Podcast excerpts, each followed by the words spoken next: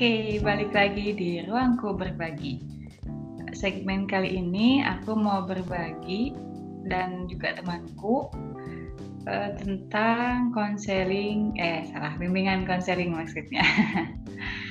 nah, uh, ini tuh menarik untuk dibahas karena masih banyak yang sepertinya disfungsi gitu tentang bimbingan konseling ini di banyak sekolah Nah, eh, di sini ada satu sumber dari Permendikbud. Saya bacain ya. Permendikbud RI nomor 111 tahun 2014 tentang bimbingan dan konseling pada pendidikan dasar dan pendidikan menengah menjelaskan pengertian bimbingan dan konseling adalah upaya sistematis, objektif, logis, dan berkelanjutan, serta terprogram yang dilakukan oleh konselor atau guru bimbingan dan konseling untuk memfasilitasi perkembangan peserta didik atau konseli untuk mencapai kemandirian dalam hidupnya. Nah, di sini aku mau bahas tentang bimbingan konseling eh, langsung dengan praktisi bimbingan konseling sendiri. Itu teman aku ada Ila. Yeay. Assalamualaikum. Warahmatullah. Uh, jadi Ila ini uh, guru BK yang luar biasa ya. Aduh, terima kasih sekali. Sering melihat postingan di IG sangat menginspirasi gitu. Tapi uh, aku yang jadi tergugah untuk kayaknya uh, jadi seorang BK di uh, apa ya sekolahku dulu bisa merubah gitu suasana. Hmm, iya iya iya benar karena memang dulu kurang apa ya secara definisi gitu kurang pas gitu. Mm -mm. Nah, gimana nih menurut pendapat Ila tentang disfungsinya seorang guru BK yang oh. banyaknya uh, apa stigmanya itu kan kalau masuk ruang BK berarti anak itu bermasalah ya, dan emang bentuknya tuh kayak gitu gitu sama mm -hmm. sekolah. Gimana tuh lah? Oke, okay. uh, eh, sebenarnya aku mau cerita dulu ya emang ya nggak apa-apa ya. ya. Jadi ya. emang mungkin kebanyakan dari kita itu terutama aku sendiri ya tahu yang hmm. namanya BK itu ketika SMP. Jadi hmm. uh, waktu SD itu kayaknya uh, anak-anak siswa seumur kita waktu SD itu kayaknya nggak tahu sama sekali apa itu BK waktu SD bener gak sih? Emang juga ya, gitu betul, betul. ya kan? Nah terus ketika SMP aku kan masuk ke sekolah SMP negeri tapi MTS gitu. Nah di situ uh-huh. ada guru BK uh, bukan guru BK maksudnya waktu ngelihat pelajaran jadwal pelajaran ada yang namanya BK pelajaran BK terus aku tuh mikir hah BK apaan ya? Gitu kan kayaknya baru pertama kali gitu ngedenger ada pelajaran yang namanya BK ternyata BK itu uh, singkatan dari bimbingan konseling. Nah di situ baru tahu oh ternyata BK itu seperti ini ya.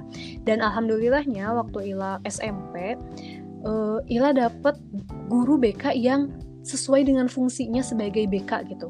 Jadi mm -hmm. bukan bukan guru BK yang kalau stigmanya itu kan negatif ya yang kayaknya menghukum murid atau istilahnya itu jadi polisi uh, anak sekolah gitu kan. Ya, nah, mm -mm, alhamdulillahnya Ila waktu SMP itu dapat guru BK-nya yang benar-benar uh, apa ya? Yang benar-benar bahwa ini loh saya guru BK loh guru BK itu seperti ini loh saya akan membantu kamu saya akan uh, melayani kamu kalau misalnya punya masalah bahkan BK itu adalah pelajaran yang paling ditunggu-tunggu gitu dalam satu minggu itu gitu hmm. kalau untuk Ila yeah. sendiri ya sebagai siswa pada saat itu nah tapi ketika SMA kan pindah, uh, ganti sekolah ya dan hmm. ketika di SMA juga ada guru BK uh, eh, ada, maksudnya ada BK-nya cuman nah di sini nih yang baru nyadar loh kok BK yang ada di SMA kok beda jauh gitu sama yang di SMP gitu yang di SMP tuh kayaknya benar-benar istilahnya tuh orang tua kedua banget gitu kalau misalnya hmm. di rumah adalah orang tua kita sendiri kalau di sekolah itu kayaknya orang tua kita di sekolah itu ya guru BK ini gitu karena benar-benar mendengarkan benar-benar kayak yang ngasih solusi benar-benar empatinya luar biasa banget nah sementara ya. ketika di SMA ini BK-nya itu jadi ya apa yang difikirkan oleh orang-orang pada saat ini gitu bahwa BK itu ya. Uh, guru yang selalu uh, ketika ada siswa yang bermasalah akan menjadi garda terdepannya gitu kalau misalnya di sekolah iya. itu. Nah seperti itu makanya oh ternyata di masyarakat sendiri pun gitu apalagi ketika masuk ke kuliah gitu oh ternyata di masyarakat itu BK itu bermacam-macam ya gitu karena mungkin Ila dari awalnya halo efeknya mungkin bahwa BK itu adalah guru yang baik banget gitu istilahnya tuh tapi ketika SMA ternyata guru BK-nya ternyata beda banget, uh, beda banget. Oh, ternyata BK itu seperti itu gitu. Ada perbedaan. Nah, terus ketika akhirnya Ila Ila kan mulai mulai uh, jadi BK itu kan ke, waktu masih kuliah ya Mang ya waktu semester 5 hmm. kan Ila udah mulai mulai berkecimpung gitu di dunia perbekaan. Nah, ketika ketika ketika masuk ke sekolah pun uh, Ila tanya sebenarnya ke anak-anak, anak-anak kalian ada nggak yang pernah dengar apa itu BK? Karena kan posisinya sekolah yang Ila ajar itu kan sekolah baru banget gitu, jadi baru ada satu angkatan gitu. Nah Ila nanya ke anak-anaknya, anak-anak tahu nggak sih kalian sebenarnya BK itu apa? Katanya kayak gitu. Nah anak-anaknya bilang ada mungkin ada beberapa anak yang tahu oh BK itu ini bu, BK itu uh, kalau misalnya di sekolah aku yang dulu uh, apa ya jadi jadi yang suka manggil-manggilin anak-anak yang bermasalah tapi ada juga gitu beberapa anak yang memang ya kayak Ila tadi gitu benar-benar nggak tahu. Jadi memang stigmanya atau disfungsi seorang guru BK secara umum gitu yang terjadi di masyarakat kita saat ini ya masih seperti itu gitu. Jadi mereka berpikirnya BK itu adalah untuk memanggil anak-anak yang bermasalah gitu masih terjadi dari udah dari dulu ya, ya sebetulnya um, stigma kayak gini teh sampai saat ini. Nah uh, kan berarti um, muridnya Ira tuh stigmanya masih kayak gitu gitu ya tentang BK. Ya pas awal. Nah uh, mm -mm, pas awal. Nah gimana sih cara merubah stigma uh, negatif itu di kalangan siswa gitu? Hmm. Karena kan biasanya uh, apa ya karena stigma itu jadi takut itu untuk berhadapan dengan guru BK gitu hmm. takut disangka sama teman-temannya aku tuh e, bermasalah padahal kan e, nggak kayak gitu gitu kan fungsinya gitu nah gimana cara Ila untuk merubah stigma negatif tentang BK itu oke okay. sebenarnya e, yang mempunyai stigma negatif itu hanya satu orang dari 12 orang. Jadi kan Ila punya muridnya itu 12 orang. Nah, posisinya karena si anak-anak yang 12 orang ini adalah anak kelas 1 SMP dan mereka belum pernah punya guru BK waktu di SD-nya, otomatis mereka kan baru banget gitu. Jadi posisinya seperti Ila pada saat Ila waktu SMP gitu. Jadi ketika tahu BK, oh ternyata BK itu bukan bukan hal-hal yang aneh-aneh. Maksudnya ketika mereka tahu BK mereka tuh taunya BK itu yang sesuai dengan uh, tugas dan apa ya, istilahnya sesuai dengan tupoksinya gitu. Nah hanya hmm. ada satu anak ini yang memang dia itu jadi anak pindahan dari sekolah lain. Nah dia itu hmm. pindah ke sekolah uh, kita gitu ke Yabipa gitu. Nah jadi ketika dia datang terus Ila nanya ke dia BK tuh apa sih uh, dan dia bilang ya BK itu kalau di sekolah saya yang baru ya BK itu yang suka manggil anak-anak nakal gitu jadi kalau misalnya dalam uh, pengalaman Ila sebenarnya Ila tidak perlu mempu, apa ya tidak perlu memberikan effort yang lebih banyak kepada anak-anak untuk merubah stigma mereka karena memang pada dasarnya mereka pun belum punya persepsi apa pun terhadap BK itu hmm. sendiri gitu. Oke. Okay. Nah, uh, kan Ila di pesantren -hmm. ya, pesantren ya Pak. Nah, selama sensi eh sensi sesi konseling itu uh, suka pakai pendekatan keagamaan gitu Oh iya pasti. Karena kita berada di sekolahnya yang pesantren gitu jadi otomatis hmm. uh, pendekatan keagamaan itu akan lebih sangat-sangat apa ya namanya teh sangat-sangat uh, uh, kelihatan banget gitu.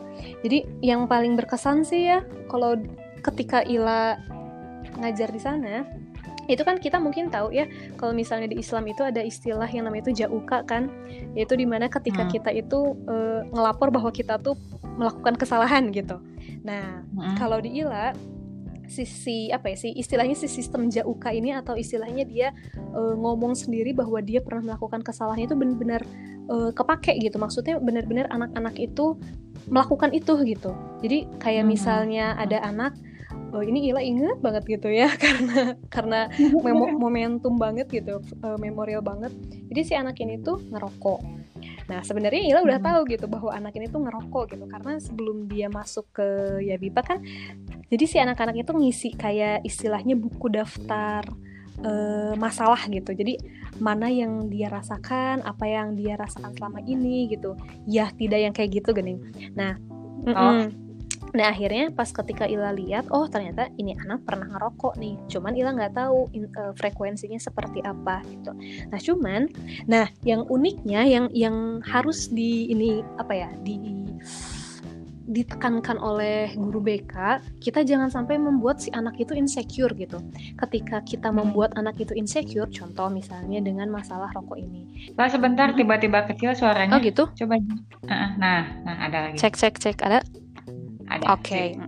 Nah, uh, jadi yang harus ditekankan oleh guru BK itu kita jangan membuat si anak ini menjadi insecure Contohnya misalnya dengan hal yang rokok tadi. Nah, kenapa Ila bisa atau bukan Ila sebenarnya ya, anak itu kenapa bisa uh, ngaku sendiri bahwa uh, Bu tahu nggak Bu sebenarnya aku ini ngerokok loh waktu kemarin. Nah itu kan berarti suatu pencapaian untuk anak itu yeah. sendiri kan, karena dia iya. berhasil mau untuk mengungkapkan, ya karena dia berhasil mau untuk mengungkapkan itu tuh kayak apa istilahnya tuh rahasia banget gitu. Kayaknya itu sensitif banget gitu kan untuk seorang anak gitu bahwa saya merokok dan dia berani memberitahukan kepada gurunya bahwa dia pernah merokok gitu. Nah kenapa dia bisa sampai seperti itu? Karena dia mendapatkan istilahnya itu apa ya uh, security dari guru BK-nya gitu. Ketika hmm. anak berani untuk berbicara seperti itu, otomatis anak kan pasti ada dua kemungkinan yang muncul di otak dia. Yaitu yang pertama dia bakalan dimarahin, yang kedua dia bakalan diterima gitu dan dia bakalan dimaafkan. Nah, guru BK itu harus mengambil opsi yang kedua di mana guru BK itu bisa menerima tanpa memberikan judgement apa pun terhadap anak itu, apalagi sampai yang apa yang ngemarahin, "Kamu tuh gimana sih? Kamu kan di pesantren, gimana sih masa ngerokok bla bla." Wah, itu kan bener-bener udah mematahkan banget si apa ya si anak itu kan. Nah makanya yang harus ditekankan oleh guru BK itu adalah di situ. Jangan sampai dia memberikan judgement. Dan iya gitu di sekolah Ila karena dia pesantren uh, sistem sekolahnya sangat BK itu sangat banget menekankan si sistem keislamannya. Sampai bisa si anak itu berani untuk jauka langsung gitu. Itu suatu pencapaian yang kayaknya keren banget untuk seorang anak bisa sampai seperti itu. Iya iya betul Hmm, oke. Okay. Uh, eh, nah kalau di sekolah aku ya dulu hmm. kan uh, dari SMP sampai SMA tuh satu sekolah kalau aku tuh. Hmm. Jadi dari SMA tuh udah ada namanya tuh kesiswaan. Cuman aku belum ngeh kalau itu tuh nyatu dengan BK. Oh. Ngeh ngehnya tuh waktu SMA kelas berapa gitu. Uh, kok aku tuh baru ngeh kok nggak ada BK ya di sini? Sama kok kan nah kata jadi yang marah-marahin itu BK kata gimana sih? Kataku apa di sekolah Ila juga ada kesiswaan atau enggak kalau misalnya dari si organigram sekolahnya sebenarnya ada sih yang namanya kesiswaan gitu. Cuman kayaknya kesiswaan di sekolah Ila itu uh, belum apa ya belum tertib secara administratif gitu jadi kayak masih cuma nempel nama doang gitu sebagai kesiswaan uh. gitu jadi karena memang gimana ya kondisinya sekolah itu tuh sekolah baru baru didirikan baru ada uh, murid itu tahun 2017 dan itu teh angkatan pertama makanya memang hmm. belum tertata rapih gitu cuman kalau untuk kesiswaan memang ada gitu hmm.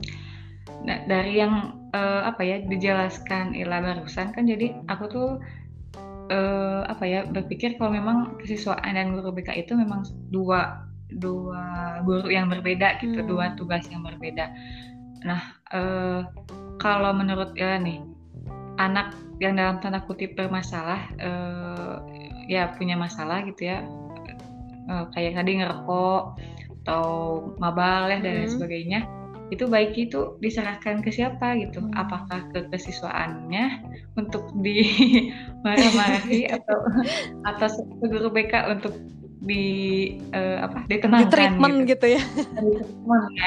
hmm, sebenarnya kalau misalnya dari pengalaman Ila sih, Ila juga sebenarnya masih bingung ya mang alur alur ketika ada anak bermasalah itu idealnya seperti apa gitu. Karena Ila sendiri jadi guru BK itu kayak ngeraba-raba gitu loh. Di sekolah Ila kan memang tidak ada mentornya kan gitu. Karena Ila iya karena kan, ya? baru juga. Terus guru BK-nya pun Ila dan Ila pada saat itu masih kuliah dan Ila tidak tahu seperti apa seharusnya guru BK itu. Jadi hanya karena kita mungkin uh, kuliah di psikologi jadi kita mungkin tahu gitu ya cara active listening dan yang lain-lain yang pernah kita uh, pelajarin waktu psikodiagnostik gitu kan. Cuman untuk secara administratif kayak contoh ini alur anak kalau misalnya melakukan pelanggaran itu sebenarnya ke mana dulu sih? Sebenarnya nah Ila juga sampai sampai saat ini nggak tahu gitu. Cuman kalau misalnya dari pengalaman Ila karena di sekolah Ila itu tidak ada kesiswaan mungkin yang banyak sekali apa ya namanya uh, memberikan punishment sepertinya ya punishment dan reward kepada anak-anak itu adalah dari uh, pesantrenannya gitu. Dari hmm. dari apa istilahnya itu dari ketua atau kiai pesantrennya gitu lah istilahnya teh. Hmm. nah mm, nah kan seperti yang kita tahu sendiri mungkin pesantren jarang banget ada yang namanya guru BK kan gitu.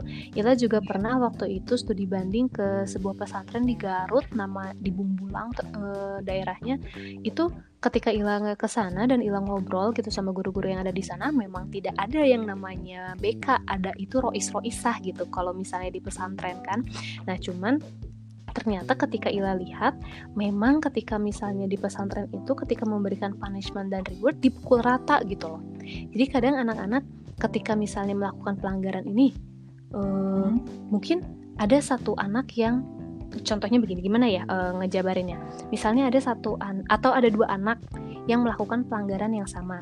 Contohnya yang satu ngerokok yang satunya lagi juga ngerokok. Nah si yang A itu ngerokoknya misalnya udah sering nah yang si B itu ngerokoknya karena dia ikut-ikutan temennya gitu ta nah mm -hmm. terus yang ketika ketahuan itu mereka ketahuan itu di waktu yang bersamaan. Padahal mereka sudah melakukan hal tersebut itu mungkin berbeda frekuensinya. Yang satu hmm. mah udah sering yang kedua mah mungkin baru pertama kali itu. Nah ketika ketahuan otomatis kan ketika diberikan punishment itu mereka kan sama kan gitu.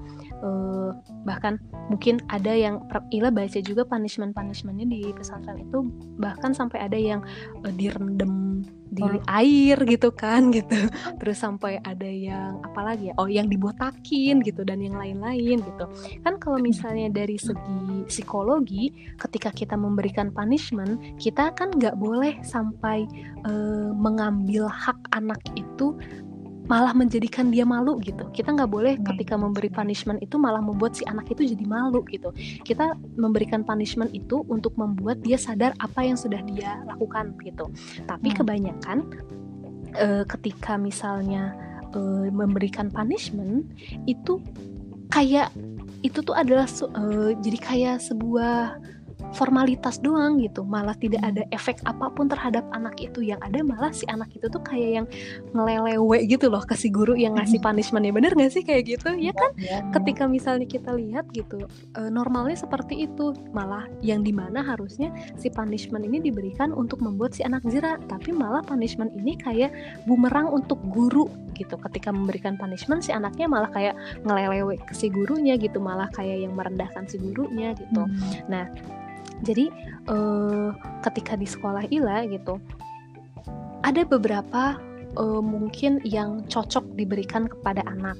Tapi ada juga beberapa yang kayaknya itu uh, kurang cocok gitu diberikan gitu. Karena mungkin bisa jadi guru yang bersangkutan yang memberikan punishment itu kurang tahu dampak ke sananya itu seperti apa sih ketika memberikan punishment itu contohnya kan yang tadi ya yang kita contohin itu yang ngebotakin itu sebenarnya kan hmm. dalam usia remaja gitu yang namanya penampilan itu kan menjadi penting kan untuk seorang yeah. anak remaja gitu kan uh gitu gumasep dan yang lain sebagainya gitu ketika dia dibotakin otomatis uh, apa namanya uh, rasa percaya diri dia terhadap dirinya sendiri itu akan menjadi turun gitu. Karena ya hmm. tadi teh ya penampilan itu penting untuk seorang remaja gitu. Apalagi dia sedang di tahap-tahap mengenal lawan jenisnya dan yang lain-lain gitu. Oh ya bahkan kan kalau misalnya di pesantren itu mungkin uh, Ikhwan Ahwat kan dipisah ya gitu.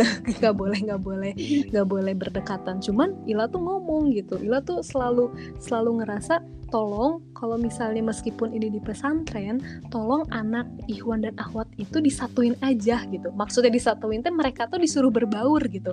Karena hmm. yang Ila lihat gitu mungkin pengalaman-pengalaman temen yang waktu itu pernah di pesantren juga cerita gitu dan apa yang Ila observasi. Kayaknya kalau misalnya anak yang ketika remajanya itu tidak dikenalkan bagaimana caranya bergaul dengan lawan jenis, mereka ketika keluar dan uh, berada di lingkungan masyarakat itu malah jadi kayak predator ke lawan jenisnya gitu. Malah jadi kayak yang buas gitu malah yang ganas gitu. Karena mereka tidak diperkenalkan tentang hal itu gitu. Nah makanya yang yang menjadi sorotan di pesantren itu adalah hal-hal yang kayak gitunya gitu bahwa kita pun harus menyeimbangkan dengan sisi psikologi si anak tersebut meskipun kita lagi ada di lingkungan pesantren gitu malah mm -mm. tapi pasti kan batasannya beda ya dengan yeah. sekolah umum mm -mm. Nah, uh, mau tanya nih, kan udah lama banget ya Ila berarti udah jadi udah jadi guru BK sekitar tiga tahun hmm, mungkin masuk ya. Masuk tiga tahunan. Tiga tahun. Uh, nah, tantangan terbesar saat oh. jadi apa hmm. gitu loh? Wah, tantangannya banyak banget. Aduh, tantangan yang pertama sebenarnya anak banyak itu. Hmm, sebenarnya gini ini mungkin bisa jadi masuknya subjektif ya mang bisa jadi ini hanya dialamin oleh Ila gitu tapi bisa juga eh, ada beberapa yang mungkin akan dialami juga oleh guru-guru BK yang lain gitu. Yang pertama ya. karena Ila berada di lingkungan pesantren otomatis BK yang Ila apa ya maksudnya Ila sebagai guru BK itu pasti akan berbeda dengan guru BK yang dia menangani anak di sekolah yang cuman uh, dari jam sekian sampai jam sekian terus pulang lagi gitu. Karena Ila di pesantren hmm. otomatis 24 jam Ila akan mengamati mereka kan gitu meskipun maksudnya tidak secara benar-benar mengamati observasi gitu bukan hmm. gitu. Cuman 24 jam uh, mereka menjadi tanggungan Ila gitu. gitu. menjadi waspada gitu. Nah, yang pertama itu tingkat kecemburuan anak-anak. Wah, itu tuh bener-bener kayak yang kayak yang jadi bener-bener kita lagi ngedidik apa ya? Jadi kayak bener-bener itu tuh anak-anak kita sendiri gitu. Karena gimana pun iya. juga anak-anak di pesantren ini kan tidak maksudnya orang tuanya orang tua aslinya ada di rumah gitu kan. Siapa ya. lagi gitu yang yang yang bisa mereka anggap sebagai orang tua kecuali uh, apa selain gurunya gitu. Nah terutama Ila sebagai guru BK gitu. Karena di mana Ila kan memberikan apa ya, istilahnya memberikan keamanan dan security juga memberikan attachment yang gede banget gitu kan ke anak-anak gitu. Apalagi ketika mereka konseling gitu. Nah makanya mereka juga rasa memiliki kepada ilahnya itu gede gitu. Ini tuh kejadian banget waktu angkatan pertama. Angkatan pertama itu udah mah angkatan pertama anaknya cuma 12 orang gitu. Jadi kan bener-bener iya jadi bener-bener lekat banget attachmentnya tuh erat banget sama anak-anak itu teh ya. Nah pada saat itu ketika Ila eh, tahun ajaran baru terus menerima anak-anak yang baru nah si anak-anak yang pertama ini insecure gitu. Aduh kita punya adik nih gimana kalau Bu Selanya lebih sayang sama adik kita? Gitu. Jadi jadinya mereka kayak si ya iya iya. bener kayak gitu. Dan itu tuh terjadi banget gitu terjadi banget. Ah. kayaknya akan terjadi kalau misalnya di lingkungannya pesantren ya. Kalau misalnya di lingkungan sekolah biasa kayaknya sama sekali tidak akan ada yang namanya terjadi seperti ini gitu.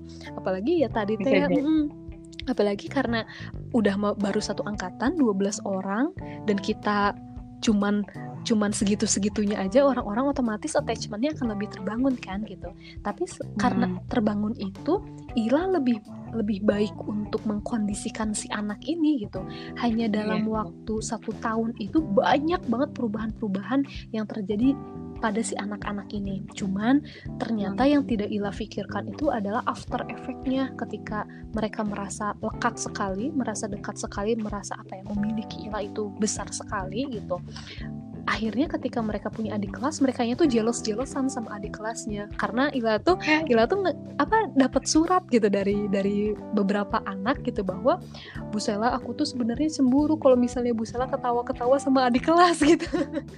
Jadinya lucu gitu. jadinya memang oh ternyata seperti ini. Dan memang uh, ada kesalahan Ila juga di situ di mana yang seharusnya mereka anak pertama mau punya adik harusnya kan kita kayak ngasih apa ya ngasih keamanan kan gitu kan pengertian gitu kan ke anak-anak bahwa uh, uh, ibu misalnya teh ibu Sela akan selalu sayang sama kalian meskipun kalian bakal punya adik. Nah harusnya kan uh, Ila bisa ngomong seperti itu ya ke anak-anak. Cuman yang tidak Ila pikirkan karena mungkin itu juga kan berdasarkan pengalaman ya dan Ila belum pernah punya pengalaman sama sekali. Nah yang malah Ila lakukan ke anak-anak pada saat itu ketika mereka mau punya adik kelas adalah Ila ngomong kayak gini ke mereka.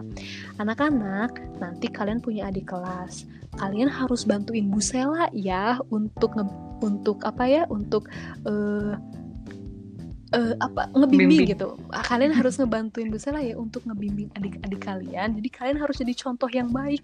Itu kan malah jadi kayak ngasih mereka beban kan gitu secara nggak sadar uh, gitu bahwa yang seharusnya iya. dikasih uh, pengertian, dikasih kelogowoan bahwa mereka bakalan punya adik, bahwa tidak usah khawatir Bu Sela akan selalu sayang pada kalian. Eh ini malah dikasih istilahnya itu kayak beban ke mereka. Nah, jadi aja ada hal-hal yang tidak terkondisikan oleh Ila dan salah satunya itu adalah hal tersebut. Jadi benar-benar wah benar-benar kayak ini banget lah istilahnya pada saat itu tuh bener-bener mereka tuh mentalnya kayak langsung aduh gimana ya? Aduh kayak gimana? Jadi kayak insecure gitu mereka nyata itu yang pertama. Terus yang kedua nah kalau yang ini mungkin akan dirasakan oleh beberapa guru BK walaupun mereka bukan di pesantren gitu adalah ketika hmm. kita mau uh, ngajak seseorang atau kan di, di konseling itu di jadwal ya kalau di sekolah Ila kan di jadwal ya. Mungkin hari ini kamu yang konseling ya hari Rabu misalnya kamu yang konseling ya. Nah ada beberapa anak yang dia itu ketika kita sudah kasih jadwal konseling ke mereka mereka itu malah jadi kayak acuh nggak acuh gitu kan di mana-mana harusnya gitu ya kita logikanya gitu kan yang namanya konseling itu si klien kan yang membutuhkan seorang konselor yeah. kan gitu. Ini tuh malah kayaknya konselor gitu yang ngejar-ngejar si kliennya gitu. Ini malah jadi konselor ngejar-ngejar si konselingnya dan itu tuh bener-bener kalau pada saat itu Ila ngerasa aduh aduh kok sakit hati ya? Gitu kayak yang kayak yang ditolak gitu istilahnya tuh. Jadi kayak yang kita merendahkan diri kita supaya si anak itu mau untuk konseling gitu. Karena kita ngerti betapa butuhnya si anak itu terhadap konseling tapi pada saat yang sama si anak itu masih belum mau terbuka untuk kita gitu. Nah di situ tantangannya sebenarnya jadi guru BK gimana caranya bikin good rapport dengan si klien kita atau dengan hmm. si murid kita? Kayaknya itu sih tantangan terbesar jadi guru BK menurut Ila mantap jadi memang good rapport itu mempengaruhi konseling iya, selanjutnya ya, ya sangat berpengaruh banget. Nah eh, ada pengalaman yang lain yang ingin Ila bagikan gitu untuk teman-teman pendengar Ke, semua? apa ya? Banyak banget sebenarnya. Sebenarnya menjadi guru itu bukan hanya guru BK ya sebenarnya menjadi guru itu benar-benar kayak apa ya sebenarnya dari dari waktu Ila kecil Ila nggak pernah punya cita-cita untuk menjadi seorang guru. Tapi ternyata takdir Allahnya kan bilang ternyata Ila jadi guru gitu. Tapi ternyata ya, ketika Ila coba gitu menjadi seorang guru terutama guru BK itu tidak tidak apa ya tidak sesulit yang dibayangkan tapi tidak semudah yang dibayangkan juga gitu. Jadi porsinya ya. itu ngepas gitu. Bahkan eh, kadang-kadang uh, kita itu merasa bangga banget terhadap diri kita sendiri ketika kita ngelihat anak didik kita itu ada kemajuan gitu. Yang contohnya yang Ila iya. rasain yeah. itu ya ya kemarin gitu waktu waktu Ila masih aktif jadi guru BK waktu masih tahun 2017 2018 itu masih masih belum disibukkan oleh apa ya maksudnya uh, masih belum terlalu sibuk dengan skripsi gitu jadi masih masih bener-bener totalitasnya adalah di ya BIPA gitu. Ila tuh ngerasa bangga ketika ada satu anak Ila dia itu dulunya bener-bener apa ya istilah kasarnya dia anak nakal gitu lah. Gimana sih uh, anak nakal tuh pandangan umum gitu. Kayak misalnya dia suka uh, pacaran dia suka mabuk dia suka main ke warnet gitu. Wah pokoknya bener-bener anak nakal lah gitu. Hmm, anak nakal. lah. Nah tapi ketika Ila uh, melakukan sesi konseling dengan dia gitu Ila tuh malah yang apa ya malah yang terpesona gitu sama ternyata si anak ini itu tidak tidak seburuk yang dibayangkan orang-orang gitu. Kan yang bikin Ila sedih tuh sebenarnya kayak gini. Dia itu sebenarnya bukan seba bukan anak nakalnya loh tapi dia itu victim dari lingkungannya gitu. Kayak orang tuanya orang tuanya itu kayak sibuk sendiri loh. Jadi dia itu tidak mau diam di rumah karena dia selalu mendengar orang tuanya itu ribut terus. Jadi kayak dia tuh selalu hmm. menjadi uh, penonton ketika orang tuanya itu berantem. Dan akhirnya kan otomatis hmm. anak juga tidak akan betah berada di rumah kan? Akhirnya dia sering main gitu ke warnet gitu. Tapi ketika dia kayak gitu mungkin dalam hati dia adalah dia berkata saya tidak betah di rumah tapi di pikiran orang-orang terutama orang tuanya adalah dia anak yang nakal gitu. Jadi bertolak hmm. belakang gitu. Nah akhirnya ketika Ila tahu oh ternyata dia itu seperti ini. Dia itu adalah victim dari lingkungannya sendiri gitu. Bahkan dia tuh sampai nangis-nangis bu. Aku tuh bukan aku tuh sebenarnya nggak nakal katanya tuh. Sebenarnya aku tuh dibully sama orang ya Allah gitu. Ilanya Ilanya juga yang yang sedih. Aduh gitu kan. Pengen banget meluk meluk gitu kan jadinya tuh kayak aduh hmm. tenang tenang tenang ada Bu Sela di sini gitu. Cuman cuman ketika kita konseling kan kita juga harus menjaga adab ya. Ada ada kode etik gitu ketika kita melakukan konseling ya ketika si anak nangis ya kita malah jangan ikutan nangis gitu. Kalau misalnya kita ikutan iya. nangis ya jadi sama-sama sama-sama menangis dong ya gitu. Jadi ketika misalnya anak nangis ya udah diemin aja gitu suruh sampai dianya berhenti menangis gitu. Terus ketika beberapa bulan kemudian yang paling hilang gak nyangka ternyata dia itu anak pinter. Dia itu pinter banget gitu. Oh. bahkan dia itu jadi kayak yang dia malah jadi selalu dipercaya untuk menjadi ketua gitu. Ketua kelas ketua kobong itu kan berarti suatu pencapaian banget kan gitu. Yeah. dan itu teh wah gitu. Yeah. malah ilanya yang bangga bangga gitu. Kayak yang ilanya yeah. tuh merasa terpenuhi gitu si kebutuhan ilanya tuh gitu. Padahal yang berubahnya dia ah, gitu iya. kan. Secara rasional dia yang berubahnya tapi yang yang bangganya tuh ila gitu. Yang merasa senangnya tuh ila gitu. Terus juga um, apalagi ya oh ini. Yang namanya guru BK kalian harus wajib punya support system yang baik karena kalian itu menerima banyak banget toksik dari orang lain. Nah, ya kalian mau kalian membendung semua toksik itu sendiri. Makanya kalian makanya harus banget yang namanya konselor. Mau di sekolah mau di kantor mau di mana pun yang namanya konselor wajib punya support system yang bagus. Kalau misalnya support systemnya nggak bagus uh, udah deh. Bakalan nggak bener. Karena Ila juga pernah loh bang iya. punya pengalaman di mana support system uh. Ila lagi bener-bener gak baik gitu. Jadi support system Ila orang-orang yang berada di uh, circle Ila itu bener-bener lagi pada sibuk semua. Ada yang karena mereka lagi hamil, jadi kan otomatis dia Ila juga nggak mau kan mempengaruhi emosional ibu hamil gitu kan. Yeah. takut juga ada sesuatu terjadi gitu kan. Terus yang satunya lagi juga uh, si circle Ila ini dia lagi sibuk banget dengan kerjaannya gitu. Dia nggak mungkin punya uh, spare waktu untuk mendengarkan keluh kesah orang lain gitu. Karena dia juga lagi punya keluh kesah hmm. sama gitu.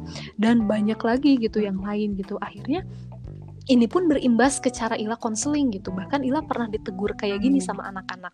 Kan biasanya Ila kalau misalnya ada anak-anak yang ngasih tahu sesuatu yang mungkin berat gitu untuk anak itu katakan contohnya misalnya dia mengakui kesalahan atau misalnya dia uh, ya yang pasti pokoknya karena dia mengakui kesalahan ya gitu itu kan berat banget untuk anak. Nah biasanya Ila selalu ngomong kayak gini ke anak-anak. Terima kasih ya udah cerita ke Bu Sela. Ih Bu Sela seneng deh kamu cerita kayak gitu ke Bu Sela. Uh, berat ya ya waktu kemarin mau cerita ini. Nah Ila kan sering ngomong kayak gitu ya. Istilahnya Ila memberikan apresiasi kepada mereka karena mereka udah mau ngomong gitu. Nah terus ada satu anak Ila kucuk kucuk datang aja ya ke Ila tuh. Terus dia ngomong kayak gini Bu Sela Bu Sela tahu gak sih? Kok kayaknya Bu Sela sekarang diem aja kalau misalnya kayak Bipa terus uh, kan dia ngomongnya pakai bahasa Sunda ya Ila contohin ya Ila peragain terus dia tuh ngomong kayak gini ibunya abi teh bade konseling ke Bu Selangan abi teh siun soalnya Bu Selana katingali judes nah katanya kayak gitu.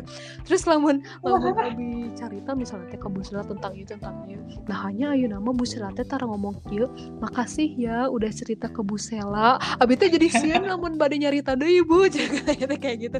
Oh sudah kata Ila tuh ya. Ila juga baru sadar gitu. Ternyata ketika Ila berada di fase yang istilahnya Ila juga tidak punya support system yang bagus ah, otomatis kan Ila memen memendam toksik toksik itu sendiri kan gitu nggak dikeluarin kan yeah. ternyata itu tuh berimbas banget gitu ke konseling Ila gitu bagaimana Ila mentreat si iya. anak-anak yeah. gitu sampai Ilanya yang ditegur gitu Ila seneng sih sebenarnya ada yang negur seperti itu gitu artinya dia sangat observasi terhadap apa yang Ila lakukan kan gitu yeah. makanya oh yeah. iya benar betapa butuhnya gitu seorang konselor terhadap uh, support system itu karena kasihan gitu kalau misalnya kitanya nggak punya support system yang bagus, kita pun nggak akan maksimal gitu ketika ngekonseling orang lain.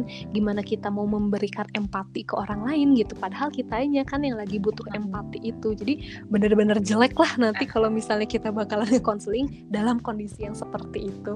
Itu sih yang kayaknya harus di apa ya di um, iya di garis besar kalau misalnya mau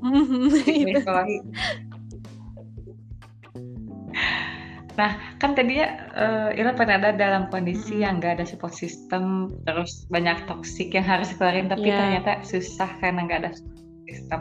Nah, gimana uh, waktu itu cara Ira buat nenangin diri gitu, buat siap lagi menghadapi uh, cerita-cerita anak-anak? Pada saat gitu. itu, oh, oh maaf. Pada saat itu, ketika Ila benar-benar dari uh, berada di situasi yang istilahnya kalang kabut gitu ya benar-benar nggak ada kayaknya satu orang pun yang yang bisa Ila percaya untuk bisa mendengarkan apa yang Ila rasakan gitu.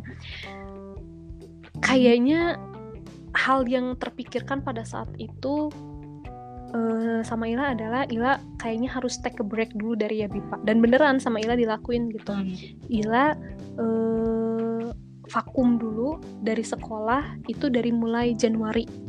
Eh ternyata ketika Ila mau comeback gitu ya, pas bulan dua, uh, pas bulan hmm. April, eh ternyata kan ada corona ya, jadi nggak bisa comeback kan. Gitu. Jadi bener-bener uh, stay di rumah gitu. Cuman memang pada saat itu yang terpikirkan oleh Ila adalah karena saking beratnya banget beban yang yang Ila rasain ya pada saat itu gitu.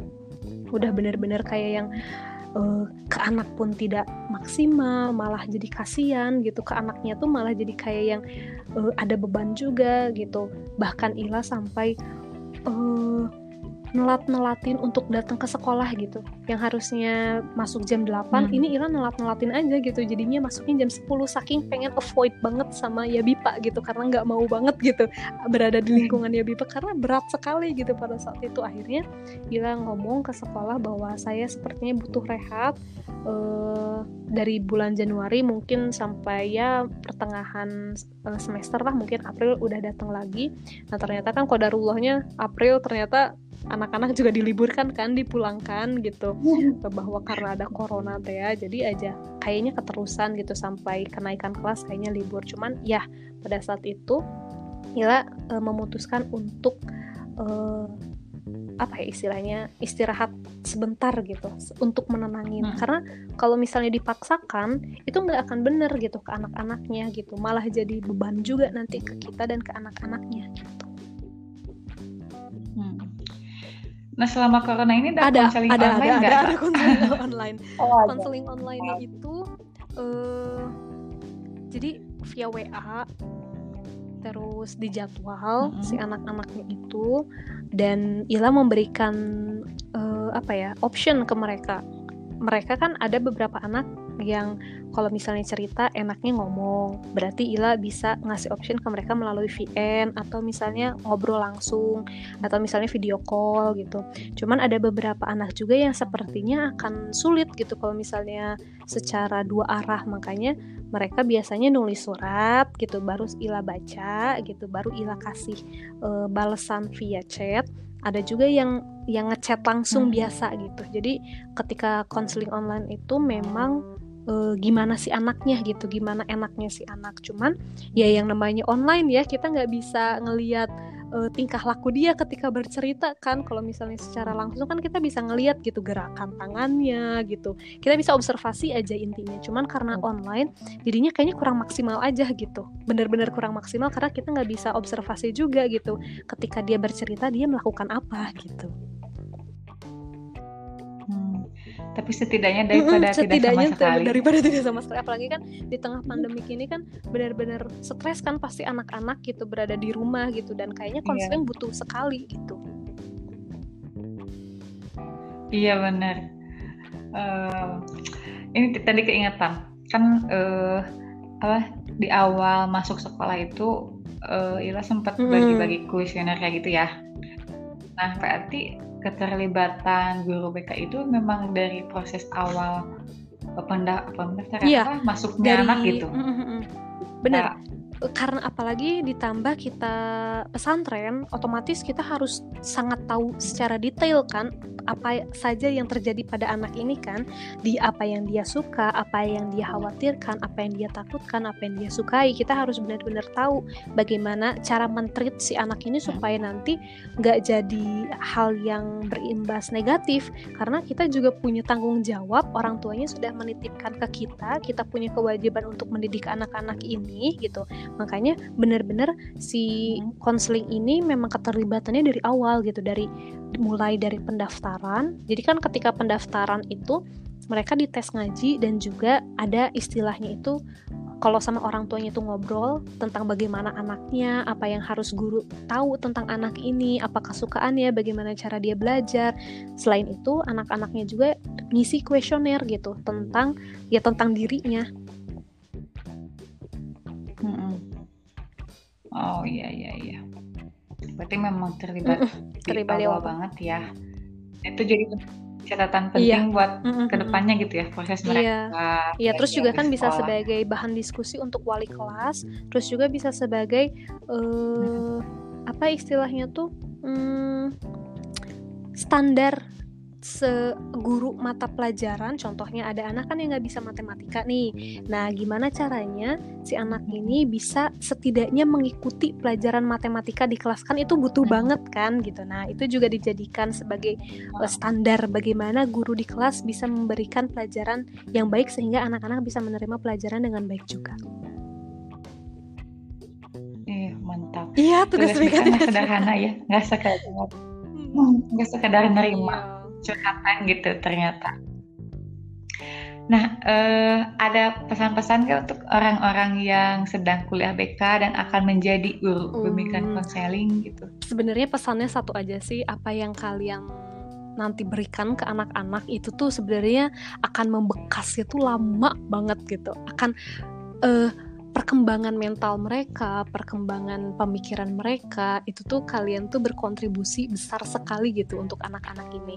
Apalagi kita mendidik anak-anak yang semoga menjadi orang-orang yang hebat gitu di masa mereka gitu karena kita kan mendidik untuk zaman ke depan kan bukan mendidik untuk zaman sekarang kan gitu makanya sebagaimanapun kalian gitu kalau misalnya kalian merasa aduh tempat ini tuh terlalu toksik untuk aku misalnya ya kalian merasa seperti itu berpikirlah seperti ini anak-anak kita anak-anak didik kita itu sebenarnya membutuhkan kita gitu jadi bertahanlah untuk demi anak-anak kita gitu sih Oke, okay, iya. yeah. mantap sekali ya, Ila. Berarti memang uh, urgen banget gitu ya ada keberadaan guru BK di sekolah yang sesuai dengan iya. uh, fungsinya gitu. Jadi bukan Ngehukum sekedar aja, ya. apa ya formalitas gitu ya. Iya. Bukan sekedar formalitas ada di mm -hmm. papan administrasi bimbingan konseling, tapi memang harus Benar. fungsinya juga dapat gitu ya. Apalagi dengan uh, kondisi sosial hari ini gitu ya ngelihat anak-anak di media sosial itu ngerasa miris gitu. Ketika uh, banyaknya kebobrokan moral uh, ke orang tua juga ke orang tua yeah. satu apalagi ke, ke guru gitu kan uh, mungkin BK juga punya peran di sini gitu ya. Gimana caranya biar mereka benar, juga benar, tetap benar. terkendali gitu. Oke okay, gitu. Mungkin ya, untuk segmen kali ini yeah, berbagi cukup sampai di sini kan lumayan uh, 40 menit. Mantap mungkin nanti akan ada wow. uh, sesi kedua. Iya uh, boleh nanti sebagai ditunggu. tamu. Undangannya ditunggu. Iya siap. Oke gitu aja mungkin teman-teman ruangku berbagi berba uh, sesi berbagi tentang bimbingan konseling hari ini cukup sekian. Ketemu di segmen selanjutnya. Bye bye.